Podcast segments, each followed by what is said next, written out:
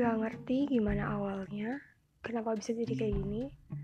Kayak tiba-tiba aja tuh, gue dituduh bipolar sama salah satu temen gue di kelas.